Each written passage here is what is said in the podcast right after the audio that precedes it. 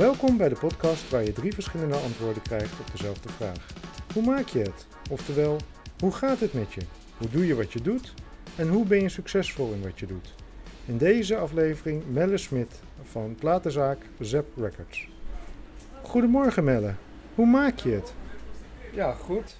Ik zal nog even een plaatje opzetten. Kijken. Yes.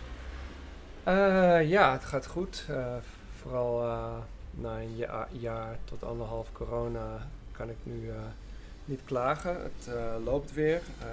Alles trekt aan. Naar beurzen gaan en zo is nog moeilijk. Vooral als het binnen is. Veel beurzen worden afgezegd of gaan niet door omdat er veel internationale handelaren bijvoorbeeld niet kunnen komen of, of, of twijfelen of ze komen. Dus de- er worden weinig toezeggingen gedaan waardoor veel beurzen niet doorgaan. En voor een platenzaak eh, zijn beurzen bijvoorbeeld een essentieel onderdeel. Ehm, maar buiten dat, eh, ja, we hebben een enorme goede zomer gedraaid. En eh, dat was ook heel hard nodig, want, we, want ja, we liepen al maanden in de rode cijfers. En het zal nog steeds misschien wel een jaar of twee duren voordat we dat überhaupt inhalen als het ooit gaat gebeuren.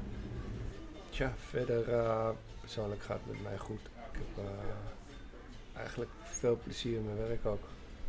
Maar Melle, hoe maak je het? Hoe doe je wat je doet? Nou, eh, hoe doe ik wat ik doe? Het heeft heel lang geduurd voordat ik een beetje begon te begrijpen wat er moet gebeuren in een platenzaak. Ehm, de start is nogal eh, onorthodox gegaan, want ik eh, had helemaal geen verstand van platen. Maar ik had een, eh, hiervoor een cadeauwinkel. En die jongen die ging, eh, waar ik dat samen mee deed, ging emigreren. En ik moest wat nieuws verzinnen omdat het ook niet eh, liep. Het was, eh, ja, ik vond het zelf ook een saai product. Daarvoor heb ik eh, Aboriginal kunst en didgeridoos verkocht. En dat had echt een thema met een, eh, met een eh, inrichting. En eh, ja, daar had je ook echt een, een scene omheen. En daarna werd het een beetje van cadeautjes tot Bali, producten uit Bali. En het ik was steeds zoekende eigenlijk al iets van zeven jaar zoekende naar een, goed idee. En als je op deze plek naar een goed idee zoekt, dan moet dat ook passen. eh, bijvoorbeeld dat toeristen daarmee eh, uit de voeten kunnen. Dus eh, die, het moet, laat ik het zo zeggen, concreet, het moet in een rolkoffertje passen. Als, het, als je hier iets gaat doen wat niet in een rolkoffertje past, dan, ja, dan moet je misschien een enorme webwinkel erachter hebben dat je het alleen als showroom gebruikt. Maar Amsterdammers komen hier al niet echt veel in de binnenstad. Dus het, je, je moest je echt op toeristen richten. En, eh, ja, nou, en, en het andere probleem wat ik had was dat ik een, ik heb een enorme winkel, twee verdiepingen. Maar een heel smal voor, voorgeveltje van 2,5 meter. Dus je loopt er zo voorbij. En als je dan ook nog een trap van eh, zes treden op moet en dan een enorme twee verdiepingen gapend gat ziet, is het heel moeilijk om meteen ook een beeld te krijgen van wat, wat, eh, wat doen die mensen eigenlijk. Dus ik had ook al lang in mijn hoofd van ja, als het iets wordt, dan moeten het alleen maar t-shirts of alleen maar aanzichtkaarten of alleen maar posters, weet ik veel. En ook van homo, homogeen product. Afijn, die partner die eh, ging weg, dat was in 1996. En ik dacht van oké, eh, wat ga ik doen? Ga ik sluiten? Stop ik ermee? Ik had helemaal geen ideeën.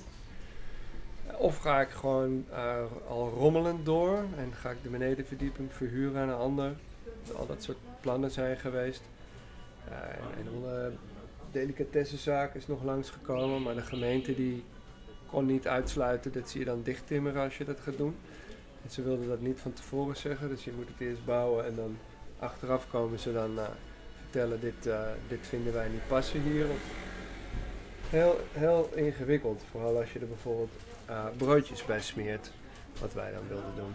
Dat, eh, dat eh, ligt dan ergens op een grensgebied en dat, fijn, dat kon, dat kon dus ook niet. En op een gegeven moment was er een jongen die, die moest zijn winkel uit. Zoals je het mij tenminste vertelde. En, eh, en die zocht een locatie voor een platenwinkel. Dus ik dacht, nou, misschien hier in de kelder, dat was het idee. Met platen in de kelder en dan boven misschien eh, iets anders met mu- muziek, muziek instrumenten of zo of iets. Ehm, maar op zich, eh, het, leek, het leek me eigenlijk een super idee. En ik kreeg, kreeg ook opeens allemaal ideeën hoe je dat dan moet aan de man brengen. Dus ik, had al een heel, heel idee om een soort van nachtclub, een soort Harlem nightclub-achtige inrichting te maken met, met glittermuren en een spiegelplafond en kasten met, met spiegelpanelen. En het werd een, op een eh, avond werd het ineens allemaal geboren in mijn hoofd. En toen zat, ik, zat het vast. Het, enige was, ik had gewoon de ballenverstand van platen. Ik ging naar een beurs en ik zag daar een paar duizend mensen krioelen en, en driftig door bakken heen eh, graven. En, en ik, ik heb nog nooit, eh, ik, ik dacht, hoe kan je nou iets beginnen waar je absoluut niets van begrijpt? Weet je wel? Dus maar, maar het idee van dat je, dat je zo'n gallery maakt met muren, met mooie platen erop en een mooi behang erachter en, eh, en, en eventueel nog een discobal ergens ophangen. Glittermuren, alles. Nou, dat, dat liet me niet los. Dus toen dacht ik, nou dan moet ik met iemand samenwerken die, eh, die dan wel verstand heeft van platen. Ja, dat zijn nogal eh, rare figuren allemaal, die veel in eh handelaren en platen eh, zitten. Ook veel, eh, ja, veel vinyl junkies of mensen die veel van muziek weten, maar niet de handel begrijpen. Of, mensen die, ja, die gewoon eigenlijk helemaal niet weten hoe je dat moet aanpakken om aan platen te komen. En ik zit hier al eh, 26 jaar, dus ik begrijp wel hoe je onderneming moet runnen. Maar ik had alleen geen van de platen. En, en, en dat je bijvoorbeeld marges moet kunnen maken op platen. Dus ja, als ik dan met zo'n jongen naar een of ander eh, marktje ging en we kwamen dan eh, terug met 30 plaatjes waar, eh, waar we dan op elk plaatje een paar euro konden verdienen, had had ik al door van nou, dat gaat natuurlijk nooit, nooit lukken zo. Dus ik ging nadenken over strategieën om aan platen te komen. Daar ging het dan uiteindelijk om.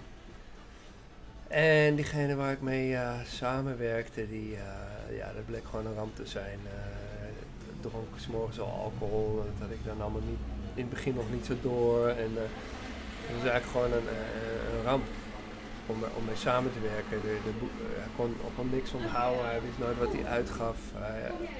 Alles, dus ik, op een gegeven moment, na vier maanden, liep het al stuk. En toen moest ik zelf dus spullen gaan zoeken. En eigenlijk iedereen die ik meenam, eh, ja, die, die dan bijvoorbeeld mee ging plaatjes kijken, dat merkte ik toch elke keer dat, dat die het eigenlijk ook niet helemaal begrepen. Dat je het eigenlijk alleen maar kan leren door te zien wat mensen mee- meenemen. En als iets vaker mee wordt genomen, dan probeer je die plaat vaker in huis te hebben.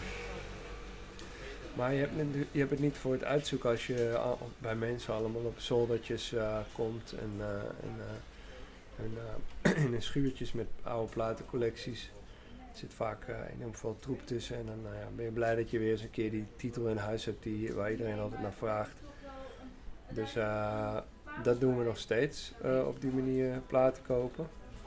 En we hebben hier ook veel ruimte, waardoor we ook veel van dat soort platen naar de kelder kunnen. En voor, voor mensen die, die daarna op zoek zijn, is er dan ook heel veel van. Want veel platenwinkels willen juist alleen maar dat eh, de wat leukere dingen in huis hebben, omdat ze minder ruimte hebben.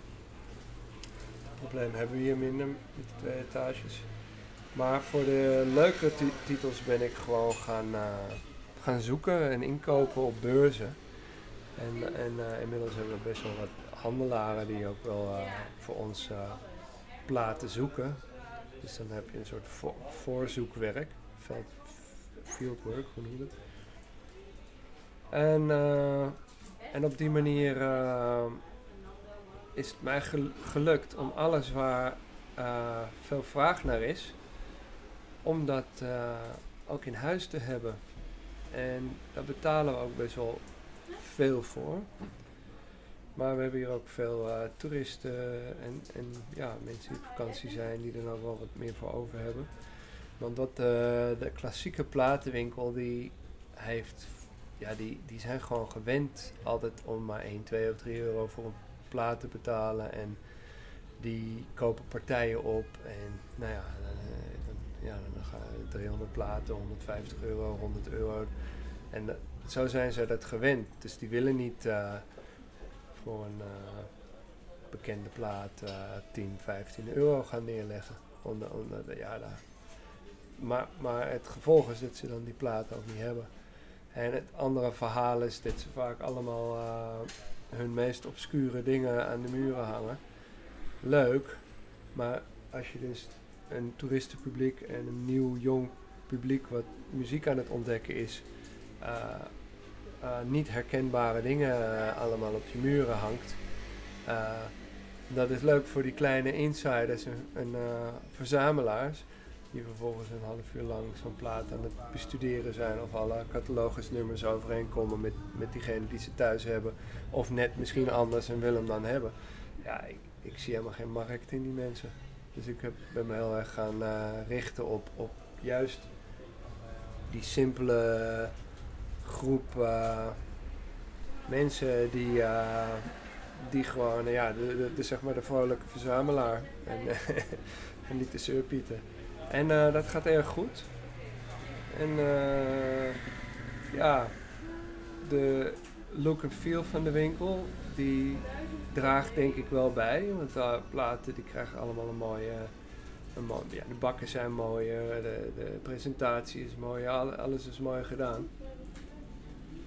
Uh, maar als ik complimenten krijg, dan is het toch bijna altijd voor de collectie en zelden voor de inrichting die ik met mijn eigen handen hier uh, twee jaar aan heb gewerkt.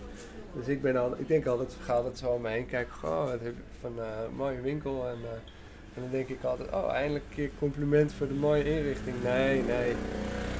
Uiteindelijk gaat het dan uh, gaat het dan uiteindelijk toch om de platen. En dat is dan toch het, hetgene wat doorslaggevend is.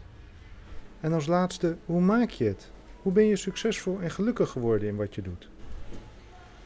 Nou, ik, ik zat er me van de week nog te bedenken dat, het, dat ik het gewoon erg leuk vind om, om zeg maar te jagen op die platen. Het is een soort jacht. Je, je, vooral als je op beurzen bent, je komt aan.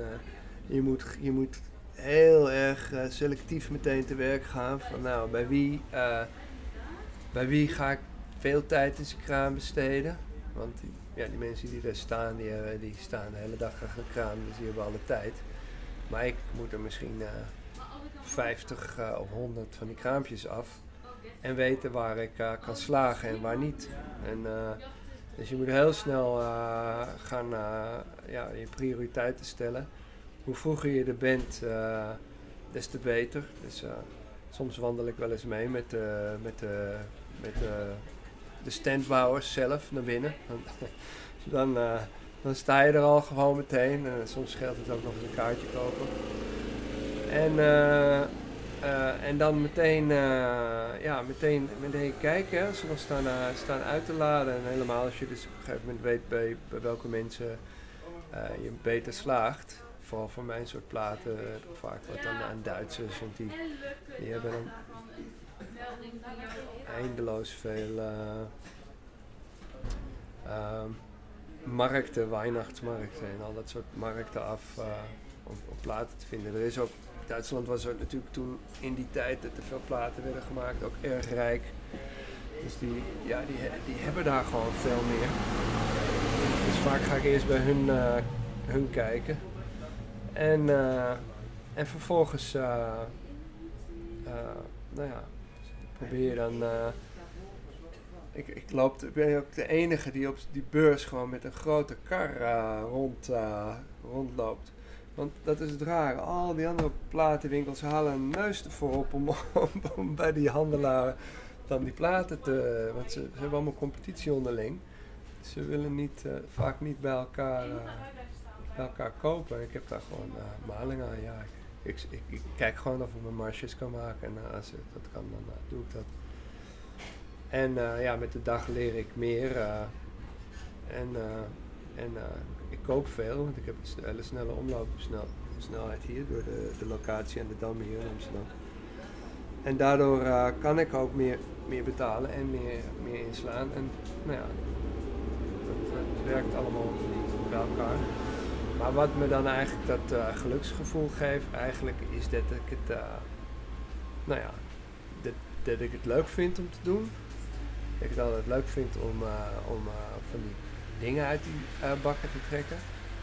Dat dat er succes is, hè, want dat, dat maakt toch uit of je, of je dan succes hebt in het, in het eh, doen van wat je doet. Want als je geen succes hebt,